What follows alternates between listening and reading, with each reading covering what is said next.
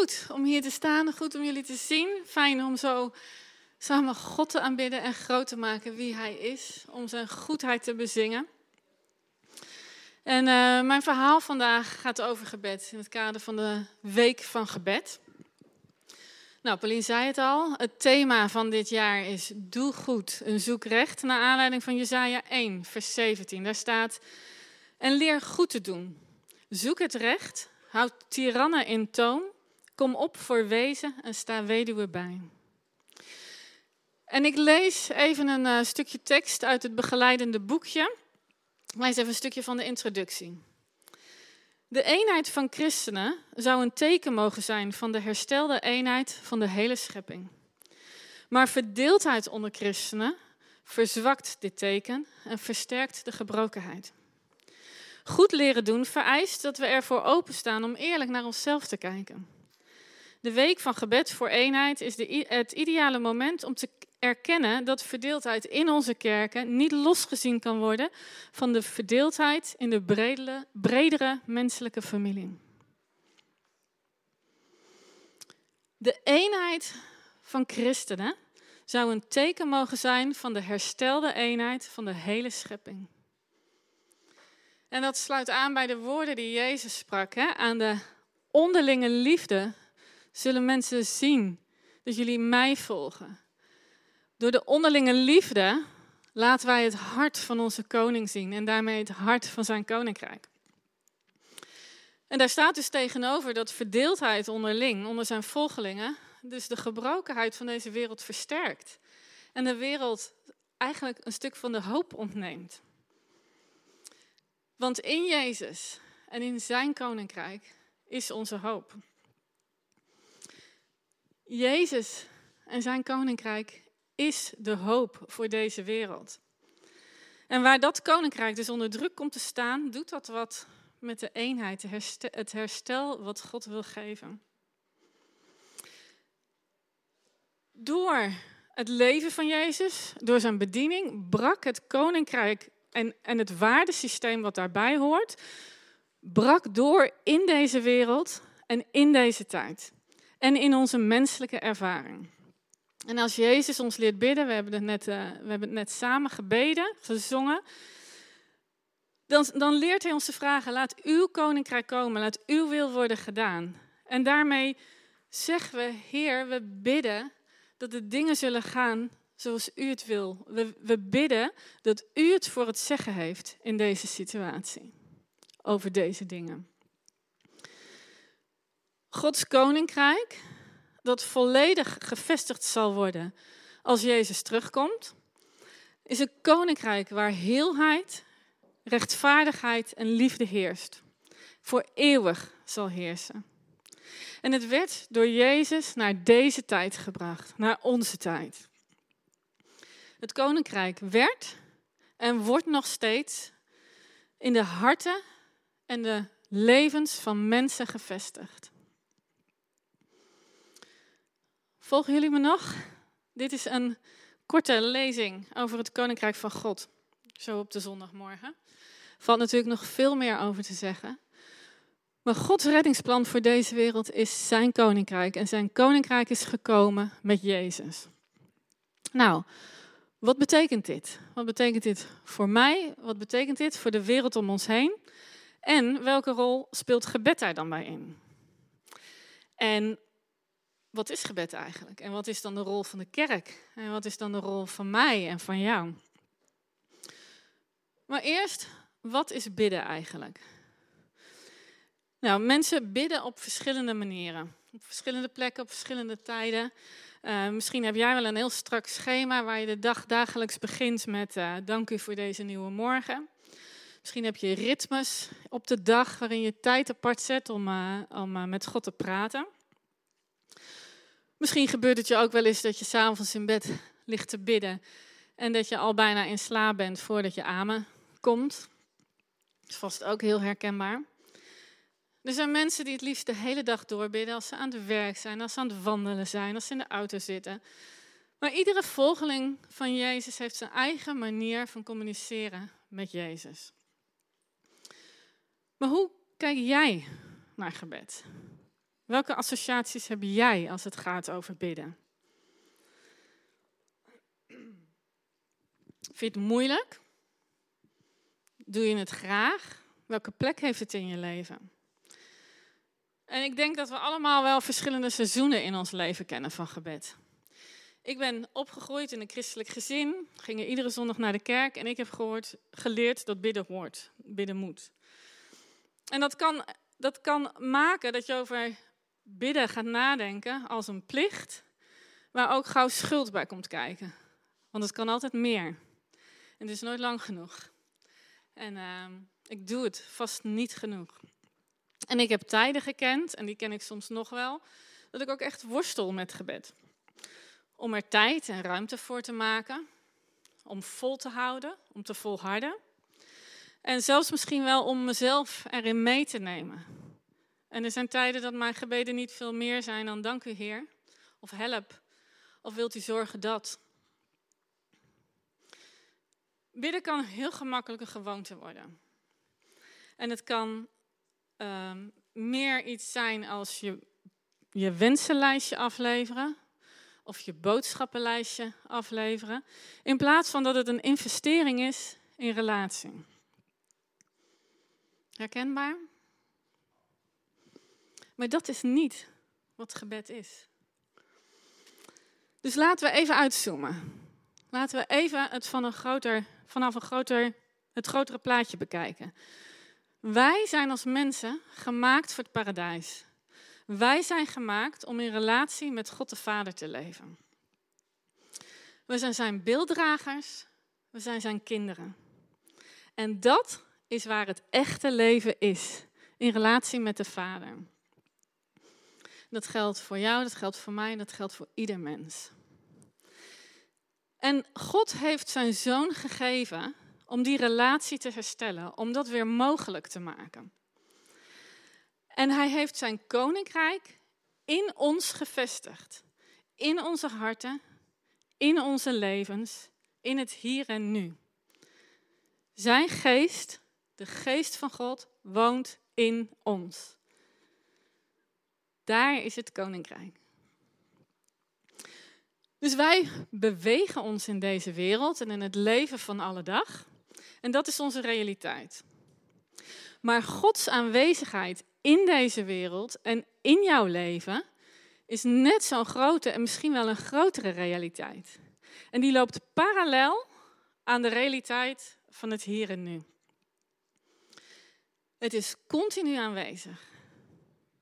De realiteit van het natuurlijke en de realiteit van het bovennatuurlijke. Hij is er. En in de realiteit van deze wereld, in de gebrokenheid, is Hij gekomen en Hij steekt zijn hand naar ons uit en Hij heeft zijn reddingsplan um, vormgegeven. Hij is hier. En bidden is intunen in die realiteit. Bidden is intunen in, de realiteit van Gods koninkrijk in jou. En daarmee is het niet, niet per se een plek of een tijd, maar het is een ontmoeting. Het is een plek van ontmoeting die continu beschikbaar is. Jezus woont in jou, Gods geest woont in jou. En gebed is eigenlijk de plek waar die twee realiteiten samenkomen. Waar de hemel en de aarde elkaar ontmoeten. Bidden is afstemmen op Gods aanwezigheid die er al is.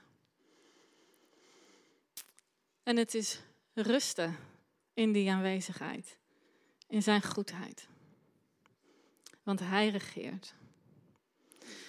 Dus het is niet je best doen om Gods aanwezigheid als het ware op te roepen. Het is jezelf meenemen in de ontspanning van zijn aanwezigheid en zijn goedheid. Het is niet iets vastgrijpen, het is je handen openen. Hij is er en hij wacht op je. Nou, behalve tijden dat ik gebed heel erg ingewikkeld heb gevonden, zijn er ook tijden geweest dat het voor mij niet zo was. En rituelen helpen mij daarbij. Wij hebben thuis uh, een stoel in de woonkamer, in de hoek. En lange tijd is dat de stoel geweest waar ik s ochtends mijn, uh, mijn Bijbel en mijn dagboekje mee naartoe ga, nam om tijd door te brengen met God. Iedereen was weg, kinderen naar school, Bram naar zijn werk. En dat was mijn plek en mijn tijd met God. En ik had een dagboekje, omdat ik het soms ook moeilijk vind om te weten wat ik moet lezen of wat ik zal bidden.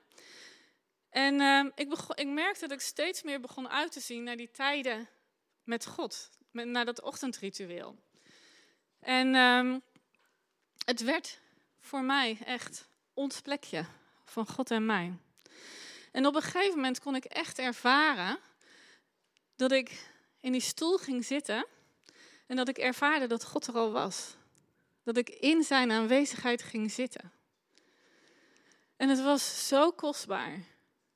En zo van vertrouwd en vanzelfsprekend.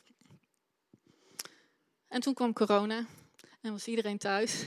En was de stilte er niet meer. En toen heb ik andere rituelen en andere momenten moeten vinden. Want iedere fase in ons leven vraagt soms ook weer om een nieuwe gewoonte, een nieuwe manieren. Maar de realiteit van Gods aanwezigheid in jou en in mijn leven is echt. En het is een waarheid die je mag ontdekken en mag onderzoeken. En hij is er al. Hij steekt zijn hand, heeft zijn hand al uitgestoken.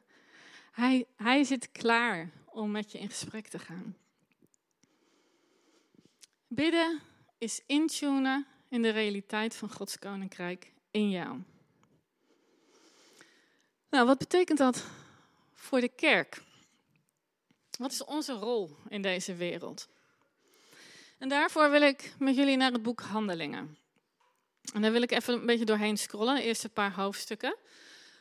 Handelingen is een uh, beschrijving van een stukje geschiedenis, van dingen die gebeurd zijn. Maar het gaat niet alleen maar om een feitenrelaas. Het is, het, wat daar beschreven staat, de beschrijving is ook een uh, voorbeeld van hoe de gemeente van Jezus met vallen en opstaan mag zijn. Even kijken. We gaan naar Handelingen 1. Jezus is opgestaan en de opgestane Heer vertelt zijn leerlingen over hoe het verder zal gaan. Dat hij naar de hemel zal gaan. En hij, hij draagt zijn leerlingen op om te wachten op wat de Vader beloofd heeft. Op de komst van de Heilige Geest. Want die hebben ze nodig voor de opdracht die hij hen geeft. En die opdracht die luidt als volgt.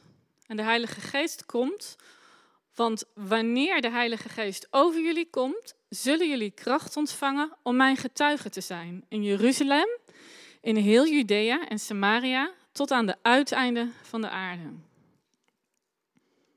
Dat is de opdracht die ze krijgen.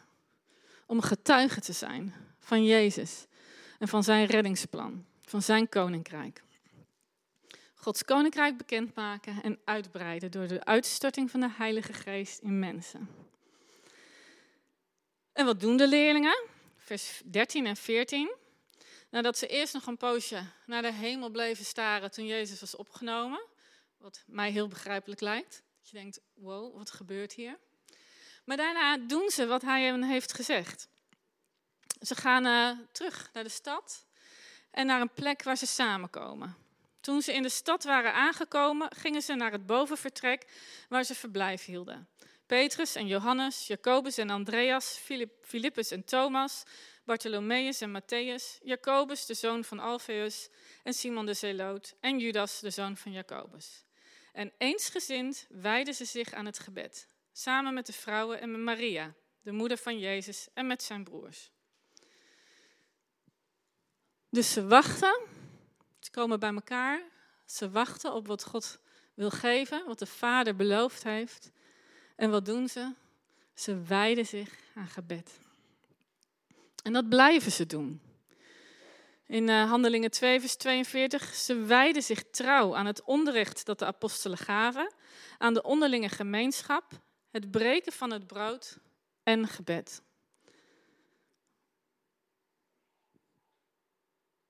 Even kijken. Ja. Dus, ze blijven bidden dat is niet eventjes, dit was dagen achter elkaar. En wat er dan gebeurt, is Gods geest breekt door. Er gebeuren wonderen en tekenen. Mensen komen tot geloof. En iedereen is onder de indruk en vol ontzag van wat daar allemaal gebeurt. Mensen deelden hun spullen met elkaar. En ze verkochten hun eigendommen en bezittingen. En verdeelden de opbrengst onder degenen die iets nodig hadden. Elke dag kwamen ze trouw en eensgezind samen in de tempel. Braken het brood bij elkaar thuis en gebruikten hun maaltijden in de geest van eenvoud en vol vreugde. Ze loofden God en stonden in de gunst bij het hele volk. Dus ze wijden zich heel trouw toe aan gebed en blijven dat doen, blijven bidden. En het resultaat van de toewijding aan gebed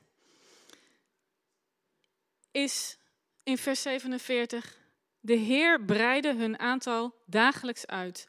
Steeds meer mensen werden gered. En dat was de opdracht die Jezus ze gegeven had. Ze vervullen hier de opdracht die Jezus hun mee had gegeven. Ze zijn getuigen van wie Jezus is, van zijn missie om mensen opnieuw te verbinden met de Vader, om zijn koninkrijk te vestigen en uit te breiden. En de groep volgelingen van Jezus breidt zich uit en breidt zich uit. Dus dit gebed gaat over een roeping, over een missie om getuige te zijn van de opgestane Heer van zijn genade, van zijn koninkrijk. En ze wijden zich aan gebed toe en dingen gebeuren. Als je het over doorbraken hebt. Wat het verder laat zien, is dat het veel verder gaat dan je moet bidden. Dit gaat over waar ze toe geroepen zijn. Hun missie als volgelingen van Jezus.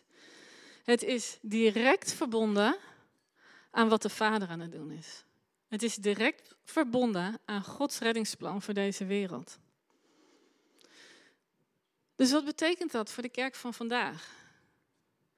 En wat betekent dat voor ons? God, gebed gaat over Gods werk in deze wereld. Wil je deel zijn van wat God aan het doen is in deze wereld?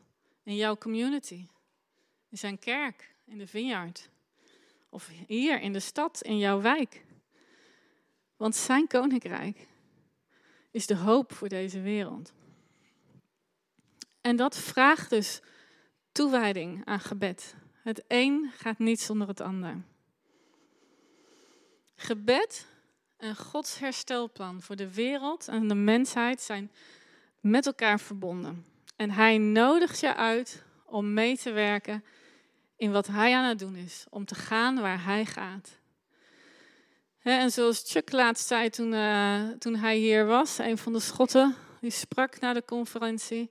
De kerk is Gods plan, Gods reddingsplan voor deze wereld en er is geen ander plan. Wij zijn onderdeel van Gods reddingsplan.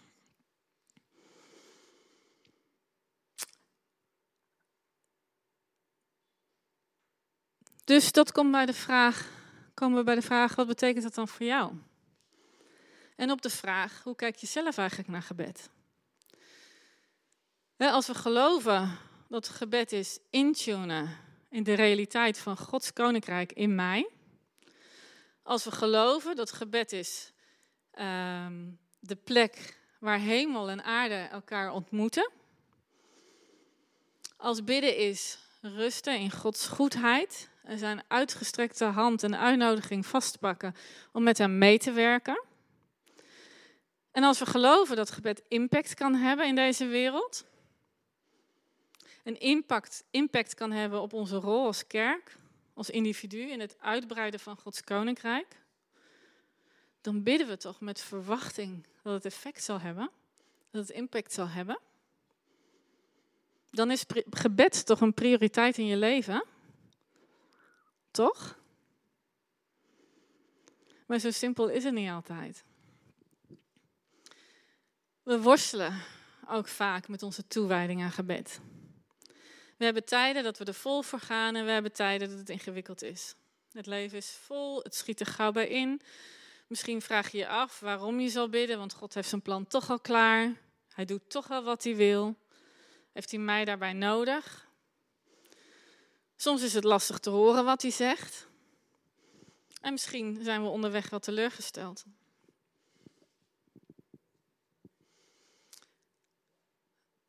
En teleurstelling doet ons terugtrekken. We zijn gemaakt om in verbinding met de Vader te leven, in relatie met Hem. En Hij heeft daarvoor gedaan wat nodig is. Hij heeft Jezus gezonden, zodat we Hem vrijmoedig kunnen naderen. En Hij strekt Zijn hand naar ons uit en Hij nodigt ons uit. Maar misschien heb je gebeden om genezing voor jezelf of voor een ander en is het niet gekomen. En misschien heb je gebeden voor een baan en heb je hem niet gekregen. Misschien ben je al heel lang voor iemand die Jezus nog niet kent. En er lijkt niks te gebeuren. Ik heb ook gebeden die ik al jaren bid en die nog niet vervuld zijn. Misschien ben je opgehouden met bidden. Misschien ben je opgehouden met vragen. Misschien ben je opgehouden met praten.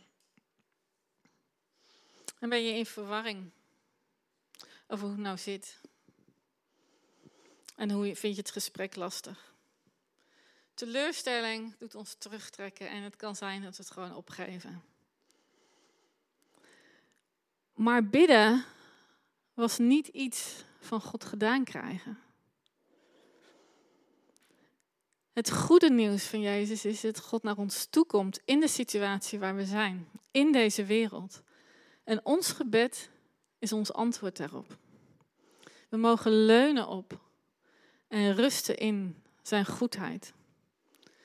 Rusten in wie hij is, ook als we daar helemaal niks van begrijpen. En in gesprek gaan over de dingen die we ingewikkeld vinden, ook in relatie met hem. In Psalm 62, vers 9 staat: Vertrouw op Hem, mijn volk, te alle tijden. Stort uw hart uit bij Hem.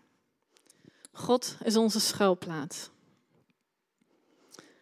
Stort je hart uit bij Hem.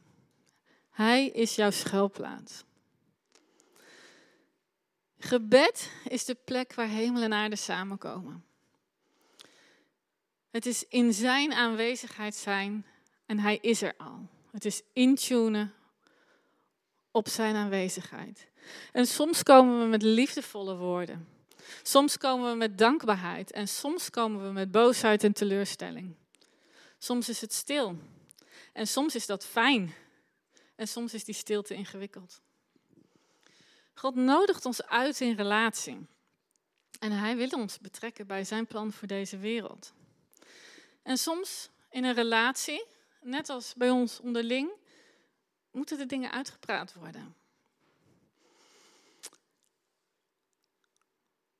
En John Wimmer, de grondlegger van de Vineyard-beweging, die zei, een quote van hem, wil je het vermogen ontwikkelen om te zien wat God aan het doen is, om te horen wat hij zegt en mee te werken met zijn plan en te bewegen in het bovennatuurlijke, dan moet je daarvoor naar Jezus kijken. Nou, hoe deed Jezus dat? Jezus koos ervoor, wat er ook gebeurde, om tijd te nemen om met zijn vader te praten.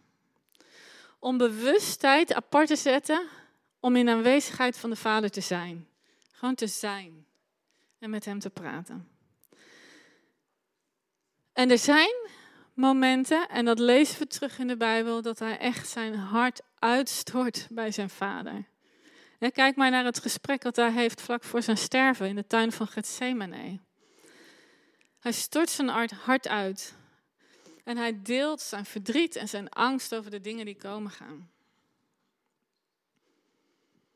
En die eerlijke, oprechte gesprekken van Jezus met zijn vader laten zien dat God verlangt naar een eerlijke intimiteit van ons en met ons. Dus waar teleurstelling een plek heeft in jouw leven, of een rol speelt in je vermogen om je toe te wijden aan gebed, om, je, om in zijn aanwezigheid te zijn, maak dat een deel van je gesprek met hem. Want God wil met je samenwerken. In zijn plan voor deze wereld, zijn reddingsplan. En hij nodigt je uit. Hij nodigt ons uit om met Hem mee te gaan. En gebed, het gesprek met Hem, is daarin een essentieel onderdeel. En wanneer we ons toewijden aan gebed, dan gebeuren de dingen, dan veranderen de dingen. komt Gods geest in beweging en kan er een doorbraak plaatsvinden. Hem groot maken voor wie hij is. En luisteren naar wat hij te zeggen heeft, wat hij wil doen, wat hij van ons vraagt. Dat is ons antwoord op zijn uitnodiging. De missie van de Vader, de missie van Jezus en de opdracht van de kerk is om te getuigen van het koninkrijk van God, van de hoop die er is in Jezus. Om het koninkrijk te laten doorbreken in deze wereld, omdat dat de hoop is voor deze wereld. En ik wil jullie uh, eigenlijk uitdagen. Het is de week van gebed. Pauline zei het al, we hebben kaartjes. Ik zou graag even een aantal mensen willen vragen om even de kaartjes uit te delen.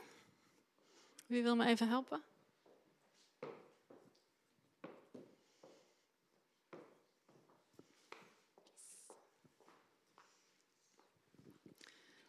Dus, uh, op dat kaartje staat het gebed waar Pauline net ook al een stukje uit las. En ik zou je eigenlijk willen uitdagen om deze week gewoon eens twee of drie keer misschien zelfs per dag dit gebed te bidden. Maak het persoonlijk, maak, uh, maak het in de ik-vorm en bid het. Maar volhard, wijd je toe. Eén week, drie keer per dag. En kijk dan eens wat er gebeurt. Waar opent God je ogen voor? Of voor wie? En wat zie je hem doen? Hoor je hem ergens over spreken? Zie je zijn koninkrijk doorbreken? Of niet? En wat gebeurt er in jou wanneer je ervoor kiest om je toe te wijden aan drie keer per dag dit gebed uit te spreken?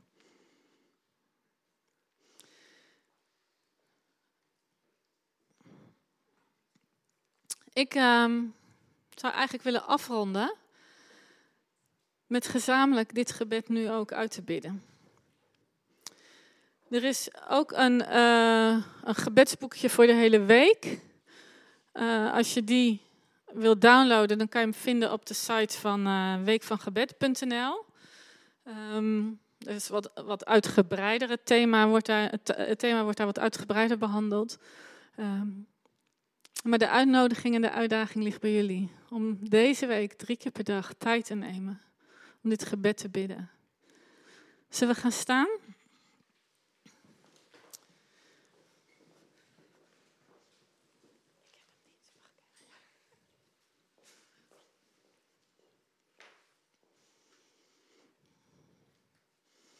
Laten we het samen bidden. God, schepper en verlosser van alles en allen. Leer ons naar binnen te keren, om gegrond te blijven in uw liefdevolle geest. Zo kunnen wij naar buiten gaan, met wijsheid en moed, om telkens weer het pad van liefde en gerechtigheid te kiezen. Amen.